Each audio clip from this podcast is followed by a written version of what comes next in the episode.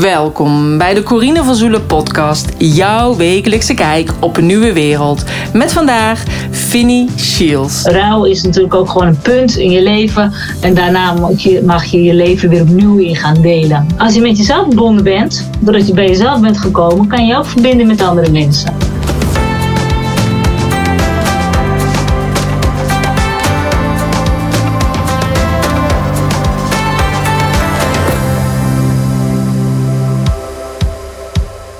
In deze podcast interview ik Fini en zij is al sinds 1994 zelfstandig aan het werk. Eerst als ballondecorateur, daarna als uh, aerobics instructrice en uh, yogadocent. En nu is ze echt een totaal ander pad opgeslagen. En dit is eigenlijk ook de, ja, door de situatie met COVID. Uh, ze heeft een boek geschreven, Verborgen Waarheid, waarin ze een intiem rouwproces deelt over het overlijden van haar twee zussen. En al snel volgden er lezingen, boekbesprekingen, een opleiding tot rouw, verlies en een stervenscoach. Maar ook het oprichten van een rouwcafé in Uithoorn in de bibliotheek. En ze is nu bezig de wereld als uitvaartondernemer te ontdekken. Het is een bewogen vrouw die niet stilstaat en in liefde en verbinding voor de mensen om haar heen wakker wil schudden. En juist door een stukje bewustwording bij de mensen aan te spreken om te zeggen: als we over de dood gaan praten, onze eigen uitvaart op papier gaan zetten, dan pas kunnen we echt in het nu gaan leven. Ik vond het een heel interessant gesprek met Vinnie. Um, ook heb ik een stukje over mijn eigen rouwproces. En mocht het zijn als je meer wil weten over Vinnie en over haar boek, uh, waarin zij dus alles beschrijft over hoe zij is omgegaan met het verlies van haar zussen, deel dan ook deze podcast. En dan maak je ook kans op haar boek. Maar meer hierover kun je ook vinden op de show notes pagina www.corinevanzoelen.nl slash podcast 197. Vandaag heb ik een online afspraak met Vinnie. Welkom Vinnie. Dankjewel. Ja, zou je je misschien kunnen voorstellen aan de luisteraar? Ja, nou, ik ben Vinnie Shields, schrijfster van Verborgen Waarheid, rouwproces naar de overlijding van mijn twee zussen uh, yoga-docent geweest. En altijd nog wel yoga en mediterend praktiserend voor mezelf dan. Uh, rouwcafé op aan het starten. En uh, als laatste fase waar ik nu in bezig ben, uh, opleiding voor uitvaartondernemer. Tof. Altijd zelfstandig geweest en altijd bezig geweest. Ja. ja. Ja, en jij zei net al van ja, yogadocent, dat, dat blijf je. Dat heb ik ook. Dat ben ik ook nog steeds. Ik geef ook nog soms steeds tips als mensen daaraan vragen. En zo van wat zou ik kunnen doen om beter te kunnen slapen. En qua ademhaling. Maar um, hoe lang ben je ongeveer yogadocent geweest? Uh, ongeveer 15 jaar dat ik mijn yogaschool. Yoga ja. En zo, sinds... ik gaf zwangere les, ik gaf uh, mama-baby yoga, ik gaf oudere les, stoelyoga. Ja ja, onze leeftijd les kinderyoga, uh, peuteryoga. Ja, eigenlijk. Ik had ooit bedacht van de hele maatschappij, vanaf, vanaf dat je geboren wordt tot het einde, kan je bij me yogales komen doen. Toen ja. zat ik wel te bedenken van, wat nou als ik het opeens niet meer wil? Want dat is ook niet aardig als ik kaarten voor het leven ga verkopen. uh, ik denk, dan moet mijn kinderen het overnemen, maar dat wilden ze niet. Dus nee. Maar het was wel, de hele maatschappij had ik wel, de, alle leeftijden. En dat vond ik heel mooi om met die groepen samen te werken. Ja, leuk. en wat is dan eigenlijk het moment geweest dat je de hele switch hebt gemaakt? Uh, eigenlijk om het yogadocent los te laten en om eigenlijk meer met uh, het rouwgedeelte aan de slag te gaan. Of inderdaad nu met je uitvaart, verzorgeropleiding. Wel heel tof ook. ik denk dat, daar, dat heel goed is als daar ook een nieuwe wind gaat waaien. Omdat het natuurlijk ook een heel traditioneel uh, beroep is natuurlijk. Ik heb al meerdere mensen gezien die daar dus nu mee bezig zijn. Ook van, van jouw leeftijd. Dus het is wel heel bijzonder ook.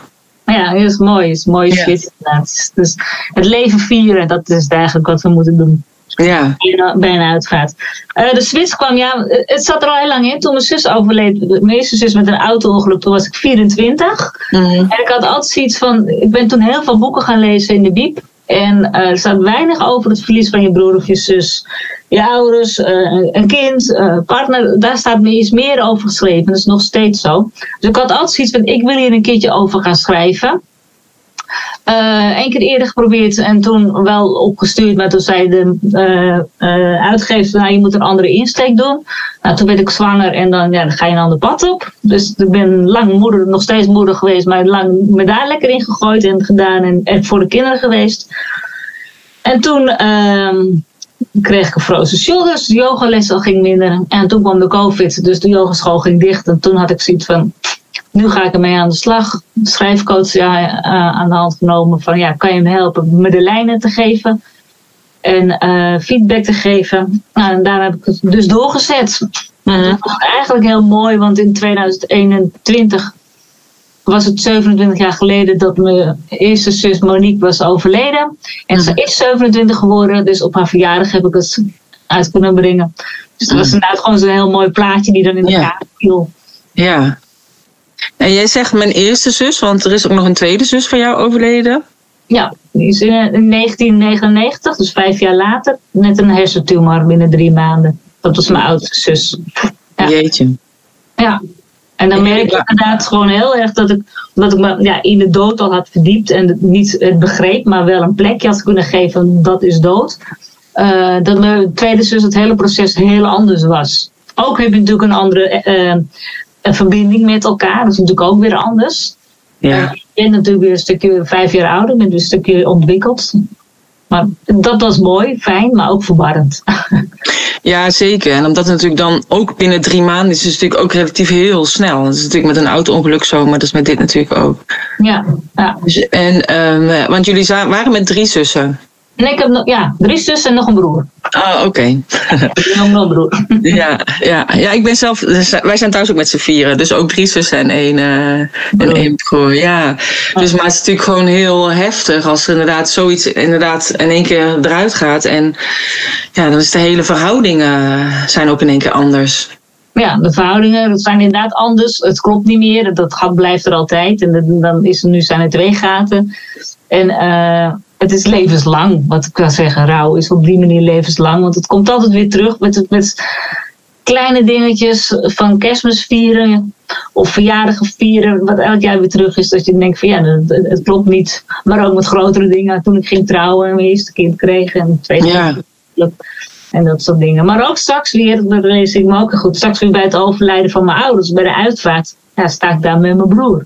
Ja, dat is ook wel heel maf. Het, het, stopt niet. Maar het, het, zijn alle soorten van rouw. Het stopt niet. Het is inderdaad uh, opnieuw uh, het leven invullen. Leren leven. Ja. Dat is ja. gelukt hoor. Ja. en als je dus inderdaad kijkt naar jouw boek, zeg maar, is je boek dan meer een, uh, een boek zeg maar, over jouw proces? Of zit daar dan ook, uh, is het ook een soort van zelfhulpboek als je zelf in de rouw zit? Of is het meer een soort in een verhaalvorm geschreven? Hoe, uh, als, als de luisteraar, hoe, wat moet voor voorstelling moet ik me nou van maken? Het is in uh, drie delen is het opgeschreven. Het eerste deel is dan uh, het eerste jaar na het overlijden van mijn eerste zus. En er is heel veel dagboekdelen ook bij. Dat is heel intiem en echt uit mijn hart geschreven. En uh, daar voel je echt ja, de wanhoop, de pijn. Maar toch ook van ja, ik wil doorgaan, ik wil doorgaan. Want het is niet lineair geregeld, dat hele rouwproces. Het gaat op en neer, op en neer. En ja. dat, dat weet je dan niet, maar je gaat er gewoon dwars doorheen. En dan uh, het tweede gedeelte is dan het overlijden van mijn tweede zus. Dat is echt een stuk korter, want het eerste deel van ja, dat was gewoon het, heftigste. En vind ik het mooiste om door te geven aan, aan de mederouwende of degene die om de rouwende heen zit. Omdat je dan kan begrijpen of in ieder geval kan voelen misschien hoe iemand zich voelt als hij dan gewoon midden in die rouw zit. En het tweede deel is dan dat mijn andere zus overleed. En het laatste deel, ik had een proeflezer had geschreven. En ik had eerst die twee delen geschreven. Dus van, ja, maar je bent veel vrolijker en je bent weer verder gegaan. Dus zeg ik, ja, je hebt gelijk. En toen heb ik eigenlijk het laatste deel geschreven van toen ik mijn man ontmoette.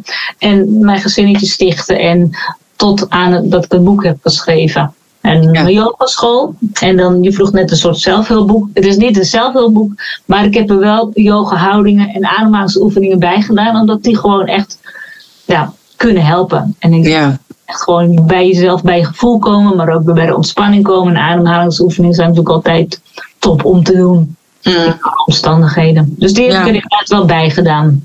Oké, ja, dat is wel fijn.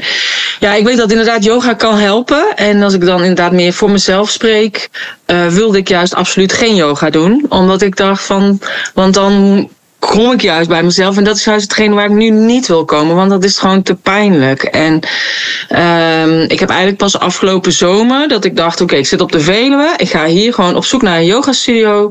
En dan heb ik elke dag een soort van doel in de dag om te gaan doen. Want ja, wat, ik, ik zat daar acht weken en vond ik superleuk. En mijn dochter die had daar een, vakantiebaantje. Uh, maar toen dachten we: ja, wat ga ik hier nou toch in vredesnaam acht weken lang doen? En, uh, en dus, uh, en, en gelukkig heb ik dus een, een yogaschool gevonden die dus uh, open was in de zomer. Oh ja.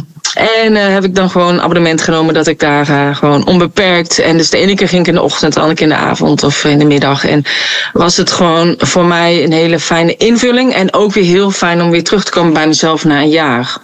Ja. ja. Dus, maar ik, eerder dan dat kon ik er ook niet aan, zeg maar. Nee, nee maar kan ik me wel goed voorstellen. Maar jij hebt natuurlijk al, jij weet en uh, je doet, bent zelf yogadocent, dus je weet al wat het doet en hoe snel het iets kan doen met je. En je, je, weet hoe het je kan triggeren. En ja. er zijn ook heel veel mensen die er eigenlijk nog helemaal geen weet van hebben. En dan heb ik wel zoiets van, is het wel al mooi om gewoon even stil te staan. Gewoon. Alleen al ja. die aanpassoefeningen. Dus op die manier uh, heb ik ze inderdaad wel vernoemd. Maar ik kan me heel goed voorstellen van in jouw proces dat je in het begin dacht van, no way, dat, dat is te dicht. Ik, ik heb al te veel wat ik nu al op een rij moet zetten. Laat me met rust. Ja, precies. Ja, nee, maar het... je dan toch weer terug hebt gevonden. Dat je denkt van, nou, nu, nu heb ik er ruimte voor. Ook voor de dagritme. En voor de gewoon van, dat, dat ga ik doen. Ja. Heel mooi. Nou ja, in eerste instantie is het meer gewoon een soort van een overlevingsstand sta je en een onbesef. Hè, dat het van, hè, is het echt gebeurd? Dat je gewoon nog niet kan beseffen dat het echt gebeurd is. Ja. En ik denk dat is natuurlijk met een verkeersongeval precies zo. En um, een vriendin van mij is een rouwtherapeut en zij zegt ook, het is ook je onderbewustzijn die jou uh, beschermt daarvoor. En vandaar dat je ook alles met de tijd in kleine stukjes uh, tot je krijgt. Ja. Dus uh, ja, ik had gewoon zelf zoiets van, nou, ik wil het gewoon, ik ga echt nog niet aan de yoga doen. Ja. Dus pas in de zomervakantie was het eigenlijk pas voor het eerst weer dat ik dat ging doen. En ik vond het echt gewoon heel fijn om weer te doen. Om eigenlijk toch weer inderdaad thuis te komen bij jezelf. Maar het, het, het lukte me gewoon eerder niet, want ik dacht, ja, dat is te confronterend. En dat kan nu nog niet, want anders blijf ik misschien niet staan. Ja. Zo. Ja. Dus, uh, en ik moet nu blijven staan, zeg maar. Het is dus, mooi dat je zegt bij thuiskomen, want je, je thuiskomen was natuurlijk helemaal door de war gegooid. Dus het is logisch Ja. dat je die yoga nog niet wilde doen, want je wist dat het thuiskomen zou zijn, maar je thuiskomen was weg. Dus die heb je in het jaar, lijkt mij, dat zo op een bepaalde manier weer opgebouwd of in kunnen vullen en voor jezelf door Ja. gaan en wat je zegt staan gebleven, overleven. ja. Nou, mooi, mooi. Nou ja, wat ik inderdaad zag ook van uh, reacties van mensen op jouw boek, dat die het inderdaad heel fijn vonden en in één keer hadden uitgelezen en um, er ook steun uit hebben gehaald. En ik denk dat dat altijd fijn is om. Uh, Ja, ja. Ik krijg van heel veel mensen te horen van ik ben geen lezer, maar ik bleef maar doorlezen. ja. Ja, leuk. ja, en jij zegt dus eigenlijk um, sinds uh, corona ben je dus, um, ja, dacht je van oké, nu heb ik alle ruimte en tijd om nu eindelijk dat boek te gaan schrijven. Ja, ja. Alle ruimte tijd moet natuurlijk wel nog steeds voor jezelf zeggen van time out, alles blokken en weg. Dus uh, ik ben mijn huis in Griekenland, daar ben ik eerst twee weken gaan, gaan zitten. Mm -hmm. Mijn man opgebeld van ik blijf toch nog een half week langer, want dan heb ik me helemaal rondgeschreven. En dat, dat was goed. En daarna heb ik thuis gewoon echt gewoon uh, heel erg aan geschreven. En dat, ja, ik, ik had geen andere dagritme. Ik hoefde geen yogales te geven. Dat kon natuurlijk niet. Dus ik heb me daar helemaal in uh, gegooid. Wat heel mooi was. Maar ook, ook op zich, nu vragen mensen allemaal: heb je het nu verwerkt? Ik zeg, nou ja, nee. Maar het heeft me wel weer inzichten gegeven. Ja. Dat is wel weer heel mooi. En dat, uh, ik denk dat het altijd uh, blijft, hè? dat het uh, proces altijd weer een andere kant uh, krijgt. Of dan in één keer weer wat laat zien met de tijd. Ja. ja. Hey, en jij had het over het rouwcafé. En dat doe je bij jou in de bibliotheek, hè? In de buurt. Ja. ja. Ja, is net een nieuwe bibliotheek helemaal geopend. Nou, de bibliotheken willen eigenlijk meer een sociaal punt worden ook van de maatschappij. Wat ik een heel mooi initiatief vind. Dus ik ben op ze afgestapt en uh, een uh, nieuwe rouwcafé. En dat is rouw in alle vormen. Dus ook uh, levend verlies of na scheiding of na werkverlies. Maar gewoon inderdaad, rouw is natuurlijk ook gewoon een punt in je leven. En daarna mag je mag je, je leven weer opnieuw in gaan delen. En ja, uh, helaas zegt de maatschappij nog vaak na twee maanden van hé, hey, het gaat toch wel weer met je. Het is toch wel goed. En hoeveel, ja. Ja. En is gewoon heel stom. En die mensen voelen zich dan alleen maar alleen zijn. Dus ik had zoiets van, ik wil graag een rouwcafé waar mensen gewoon bij elkaar komen met ademhalingsoefeningen. Wat met elkaar hun ervaringen delen. En uh, dat ze gewoon gezien en gehoord en erkenning voelen. En dat was heel mooi. Er waren ongeveer tien mensen. En uh, die groep was groot genoeg. Want ja, je wil toch iedereen laten praten en laten horen. Maar dat, ja, het was een waardevol moment. En ik ga hem één keer in de maand doen. Ja, mooi. Ja. Dus, ja. ja. Ja, ik denk dat het altijd wel goed is om inderdaad samen te komen.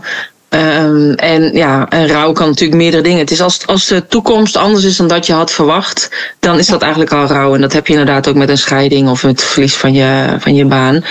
En het is dan eigenlijk altijd om te, om inderdaad te kijken, oké, dat, dat wat was, dat komt niet meer terug. Maar hoe kan ik het inderdaad nu vormgieten en inderdaad het leven vieren? Uh, om toch nog daarbij stil te blijven staan. Ja. ja. En dus, uh, ja, maar wel heel mooi dat je dat inderdaad zo op, uh, op die manier doet. En voor de, jij zei ook van je hebt, um, je doet ook soms uh, één dag hè, met mensen, dus dat je daar ook mee bezig bent, toch, met de rouw? Rouwworkshops. Ja, die workshops heb ik ook gezien op jouw site. Ja, ja.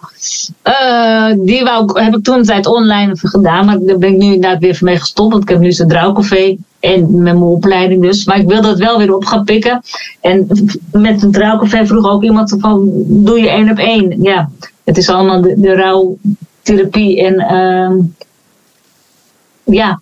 Dus daar ben ik ook mee bezig. Maar het staat nu op een laag pitje, omdat nu de opleiding uh, ja, vraagt veel energie.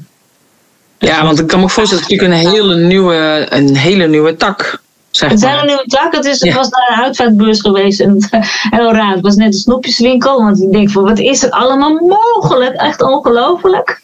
Dus dat, uh, dat is wel heel interessant. En ja, ik, ik, ik hoop gewoon dat ik het straks aan, aan de mens door kan geven. Van het hoeft niet meer op die manier, op die manier, op die manier. Je kan het zelf invullen hoe je wilt. Je kan het thuis doen, heel intiem. Je kan, je kan als het ware dus zelf naar, de, naar het crematorium gaan, zelf rijden. Met, je hoeft niet een auto te huren. Je kan eigenlijk alles zelf doen. Je kan het helemaal zelf in hand houden. Ja. Dat vind ik één belangrijk ding, maar ik vind het eigenlijk ook heel belangrijk. En dat is dan weer een andere insteek die ik wil hebben. Laten we alsjeblieft iedereen al van tevoren over zijn eigen uitvaart na gaan denken. Want dat is ook zo belangrijk. Want je, ja. je zadelt de nabestaanden op met iets van ja, we gaan zijn of haar leven vieren. Maar wat was de muziek? Wat was de favoriete muziek? En ja. het is zo mooi als iemand dan gewoon kan zeggen: Oké, okay, uh, even kijken in de computer van die persoon. Oh, daar staat hij hoor. Gewoon een, een klein naslagwerkje. Ja. Het hoef je niet elke dag mee bezig te zijn, maar als je het één keer dan de vijf jaar weer gaat kijken of zoiets van: Oh, een beetje aanpassen, een beetje bijschaven. Ja, het is wel grappig. Mijn, mijn zus heeft dus inderdaad een Spotify-lijst van muziek die ze op haar uitvaart wil hebben. Ja, en die hoor ik steeds meer gelukkig. Vind ik ja, en um, ja, ik heb zelf bijvoorbeeld met mijn man hadden wij zeven jaar geleden of acht jaar geleden of zo een keer zo'n lijst ingevuld. En um, uh, dat was van Interpolis, kon je dat toen aanvragen. En van wat zijn je wensen qua eten? Wil je wel een koffietafel? Wil je geen koffietafel? Uh, weet je wel. En toen schreef hij op, ik wil Surinaamse bami, want dat maakte hij altijd. Ja. En toen zei ik van ja, lekker dan dan? Wie moet dat koken dan als jij er niet meer bent? dus, uh, ja. dus toen schreef hij erachter bestellen. Nou ja, dus dat hebben we toen gedaan. Dus ja, het is wel heel fijn weet je, dat je dan inderdaad weet... wil je opgebaard worden, welke muziek wil je wel, welke niet of zo. En um, gecremeerd of begraven. En sommige dingen weet je dan wel van elkaar. Maar ik vond het toch wel heel fijn op dat moment... dat ik het ook nog zwart op wit had. Dat ik dacht van oké, okay, ik weet het zeker dus dat hij het zo wil. Ja, mooi. En, um, ja, um, maar ja, ik denk er is inderdaad heel veel mogelijk, maar heel veel mensen weten het niet. Omdat je natuurlijk toch een beetje het blijft doen zoals je het altijd hebt gezien. En um, ja, wat ik ook heel veel terug heb gehoord is dat ze zeiden, oh, het was heel mooi en ik, ik ga mijn uitvaart nu ook echt sowieso wil ik anders. En wat mijn kinderen zeiden tegen mij van eigenlijk ja, hadden wij gewoon nooit geweten hoe we dat hadden moeten doen. Stel als jullie allebei weg waren geweest of weet ik veel wat. Dus mam, jij moet echt maar even opschrijven. Jij moet eigenlijk gewoon jouw hele uitvaart maar regelen. dat, dat wij, als het zover is, gewoon de hele map kunnen schrijven. Zo van, alsjeblieft, dit is wat ze wil. Uh, ik denk wel dat het goed is dat er voor de namenstaande nog wel een mogelijkheid is om daar zelf uh, mee om te gaan. Omdat ook gaandeweg zo'n week komen er allerlei dingen in één keer in je hoofd. Dus je, voor mijn idee word je ook gewoon geholpen van, hey, denk daar ook eens even aan en doe dat er ook in. Um, dus ik denk dat dat wel mooi is, maar het is wel heel fijn als er een basis is. Dus ik heb wel ook nu een basis gemaakt inderdaad van welke liedjes ik zou willen hebben en dat soort dingen. Um, en ik heb zelfs nog gedacht van, ik, op dat moment, ik ga nog een keer een workshop geven van uh, organiseer je eigen uitvaart. ja, misschien kun jij het dan doen, dat is voor jou. Huh? Ja. Dus dan past het ja, bij je Op zich is dat wel een mooie, ja. Is wel een mooie inderdaad. Ja, maar gewoon weet je dat je erbij stilstaat van... oké, wat wil ik nou? Hè? Wil ik, hoe, dat mensen daarover na gaan denken... of dat ze hun levensverhaal al op papier zetten. Ja. Want ik bedoel, ik dacht ook met het levensverhaal van mijn man. Hij heeft zoveel banen gehad. Ik zou het gewoon allemaal niet weten. Dus ja, dat ga ik ook allemaal niet vertellen. Uh, Dus eh, dan, wat, wat gaan we dan uh, vertellen? Ja, dat is natuurlijk hetgeen uh, wat, wat, wat mij aangaat. Maar uh, maar ook wat zet je dan op zo'n uh, bidprentje? Ik vond het wel leuk. Ik ben katholiek Brabants, dus dan heb je altijd zo'n bidprentje aan het eind. Dus ik vond het wel leuk om dat mee te geven. Maar ik dacht, normaal gesproken staat daar je levensverhaal op. Ja, dat ga ik dus nu niet doen. Wat gaan we er dan op zetten? Ja. Dus we hebben maar een versje gedaan wat hij uh, altijd deed zingen voor de kinderen in bad. En die dachten dat dat een vast versje was. Maar het is gewoon een zelfverzonnen versje. Oh, dus dat stond er dus uiteindelijk op. Maar ik denk wel van, uh, en dat hadden we van tevoren natuurlijk nooit kunnen bedenken en hij ook niet. Maar ik denk wel met sommige dingen is het gewoon goed als je dat al op papier zet, omdat je kinderen dat dan misschien ook niet van je weten. Ja, ja, ja, ik heb wel zitten denken om moodboards te gaan maken inderdaad, met de uitvaart. Maar het is inderdaad ook gewoon wel heel mooi, organiseer je eigen uitvaart. Ja, en dat je dat inderdaad in een document hebt. Of dat ze dat inderdaad al standaard bij jou kunnen achterlaten. Zodat als het zo is, dat jij het gewoon hop zo kan pakken ja. uh, in de nabestaan. Moeten ze wel weten dat ze bij jou terecht moeten zijn natuurlijk voor de uitvaart. Ja, een stukje klantenbinding inderdaad. Ja, maar dan is, dan is het van tevoren al geregeld.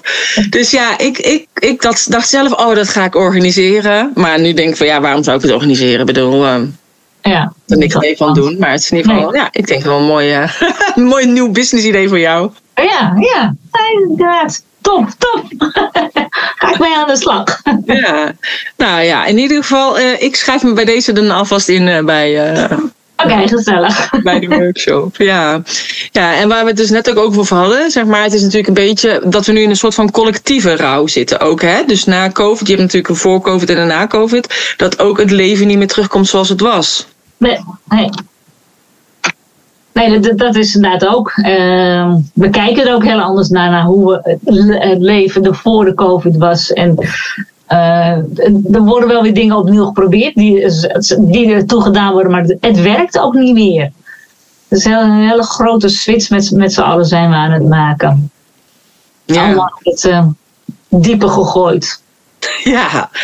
ja, en dat was ook een heel proces, vond ik. Hè? Van dat je inderdaad boos bent van shit, weet je wel, wat, wat maken ze me nou? En dan weer verdrietig van datgene, dat dat niet meer terugkomt. Maar ook wel weer een hoop en een vertrouwen in het kan eigenlijk alleen maar beter worden. Ja, ja en het is in ieder geval beter. Ik weet niet of iedereen dat al ziet, maar in ieder geval anders.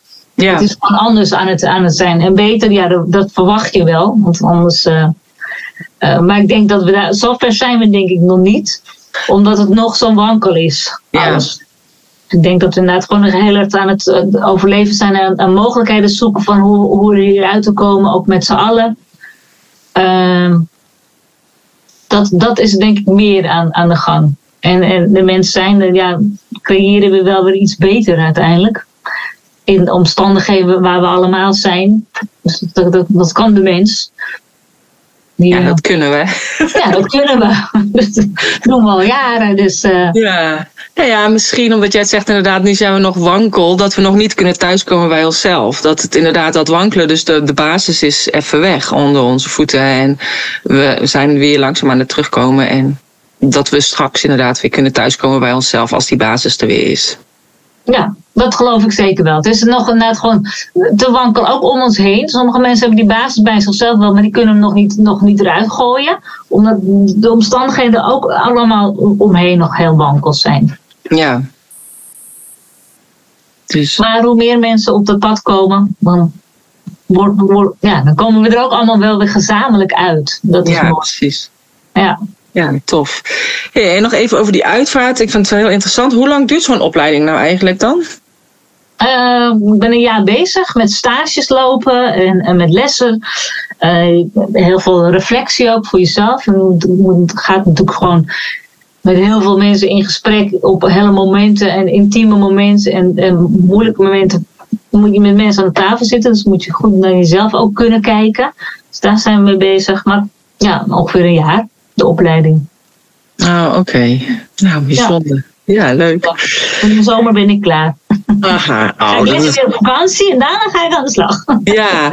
ja, want ik dacht ook, wat heb je dan eigenlijk met Griekenland dan? Want ik zag inderdaad wel ook dat je daar misschien retraites wilde gaan organiseren of zo. Ja. In je tuinhuis. Hebt een boshuis en ik heb een huis in Griekenland. Ik weet, ik weet niet, uh, Griekenland is heerlijk, ik zou het niet weg willen. Maar soms is het jammer op Kreta dat ik altijd moet vliegen. Dus dat vind ik niet leuk altijd. Maar uh, ik heb daar mijn man ontmoet. Die woonde daar. Hij is Amerikaan. Maar oh. hij woonde daar toen kunstschilder. En uh, ik ben bij hem ingetrokken. En we zijn nog steeds samen, maar nu in Nederland dan. Uh-huh. En dus ik ga er, in oktober ga ik er meestal twee weken heen voor mezelf om te schrijven. Afgelopen oktober ook weer twee weken net geschreven. En het is gewoon, uh, ja, ik kom er al van sinds 2001. Dus ja, je hebt ook je vrienden daarop gebouwd. En het is gewoon de zee en de bergen. Dat is, het is gewoon een hele speciale plek. Ja. Ik hoor de zee als ik in mijn bed lig en de wind en alles. En uh, geen wifi, we kijken naar de sterren. En. Met de kinderen vroeger in vakantie op het strand slapen en hiken door de bergen heen en zo. Ja, het is gewoon uh, heel anders dan le- leven in Nederland. Ja, echt hè? Ja. maar wil je dan niet dan uiteindelijk helemaal terug daarheen? Ja, misschien wel, misschien niet. Het is, het is, uh, Nederland heeft ook zeker goede kanten en dat is ook mooi. Dus 50-50. Is heel, ja, heel ideaal. Van alle, alle dingen, de mooie kanten. Ja, ik heb dat natuurlijk een beetje met Turkije. En Turkije is gewoon ook echt dat. Ja, gaan helemaal thuis. En dan denk ik. Oh. Ja, vroeger was ik aan het huilen als ik inderdaad weer naar Nederland ging. En als ik naar Nederland weer daarin stond iedereen weer in Nederland te huilen dat ik weer wegging. Maar ja, dan was het zo'n beetje half jaar op, half jaar af. Maar nu, uh, ja, het is gewoon heel fijn om daar weer te zijn. Het is gewoon een andere sfeer. Je bent thuis, hè dan? Ja, je bent echt meteen thuis, inderdaad. Het is gewoon, ja. Ik kan, ik kan het ook niet uitleggen aan iemand. Nee, ik kan me voorstellen. En een eigen huis daar had ik eigenlijk altijd nog gewild. En toen had ik dat eigenlijk moeten doen, want het was daar hartstikke goedkoop. Maar ja. ja. Uh, en nu denk ik, joh, ik kan daar ook gewoon heel goedkoop gewoon een appartement huren. En dan zit ik er ook. Ja. En dan hoef ik het ook niet echt te kopen. En dan zit je ook natuurlijk allemaal weer met allemaal uh, regeldingen daar te plaatsen. Dus uh, nou ja, vandaar. Nou, en even kijken, als ik bijvoorbeeld kijk naar de nieuwe wereld, zeg maar, hoe, zou jij, hoe zie jij die nieuwe wereld voor je? Ja, dat is toch meer. Uh... Wat zie ik nu? Ik, zie, ik, ik, ik voel liefde, eigenlijk. Liefde en lachen. en samen zijn in verbinding. Ja, mooi.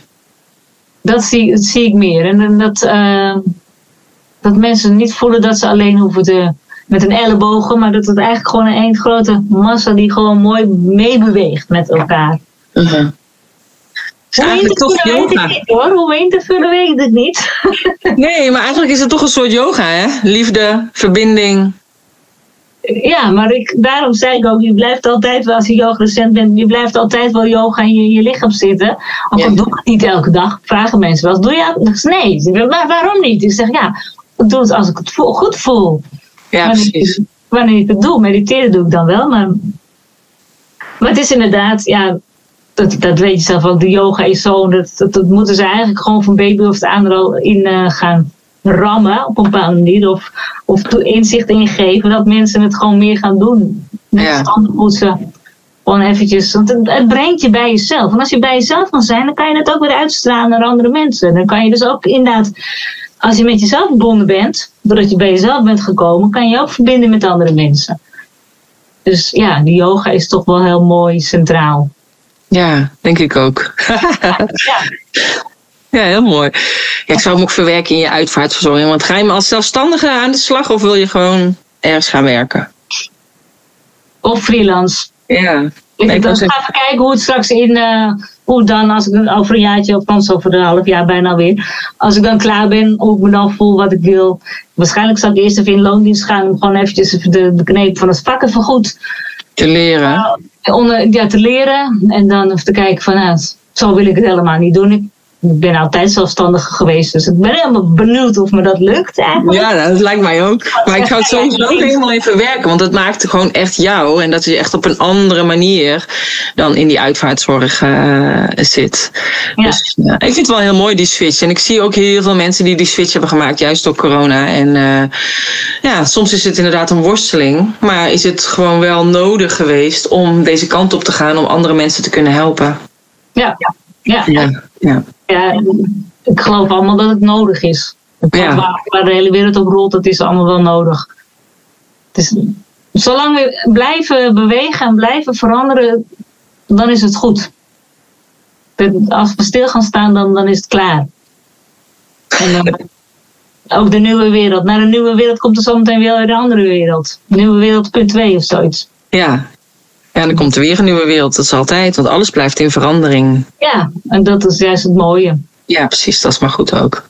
Oké, nou, super mooi om daarmee af te sluiten. Dus uh, ik weet niet, eh, of wil je nog iets heel graag toevoegen dat je denkt, oh, dat ben je vergeten te vragen? Nee, nee, ik vond het een fijn gesprek. Ja, ja nee, ik vond het ook. Dus uh, nee, super fijn. Dankjewel voor je tijd. En heel veel succes met je opleiding. Ja, gaat lukken. Jij ook, Steven. Succes met alles. Geniet. Oh. Ja, dank je. Ja, dit was Vinnie. Ik hoop dat jij genoten hebt van dit gesprek. Ik eh, vind het een hele bijzondere vrouw en heel moedig van haar dat zij dit boek heeft geschreven en zo'n kwetsbaar boek. Uh, mocht het zijn, als je het boek graag zou willen winnen, deel dan deze podcast. Tag haar, tag mij in jouw social media post, zodat we ook weten dat jij het gedeeld hebt. En dan uh, maak je misschien wel kans op haar boek. Sowieso is haar boek natuurlijk te bestellen bij de plaatselijke boekhandels. om juist de lokale ondernemer te steunen, maar ook rechtstreeks bij haar op de website. Meer over haar, haar boek, haar websites, um, over het uh, Rouwcafé vind je allemaal op de show notes pagina www.corinevanzoelen.nl slash podcast-197. Dankjewel voor het luisteren en graag tot een volgende keer.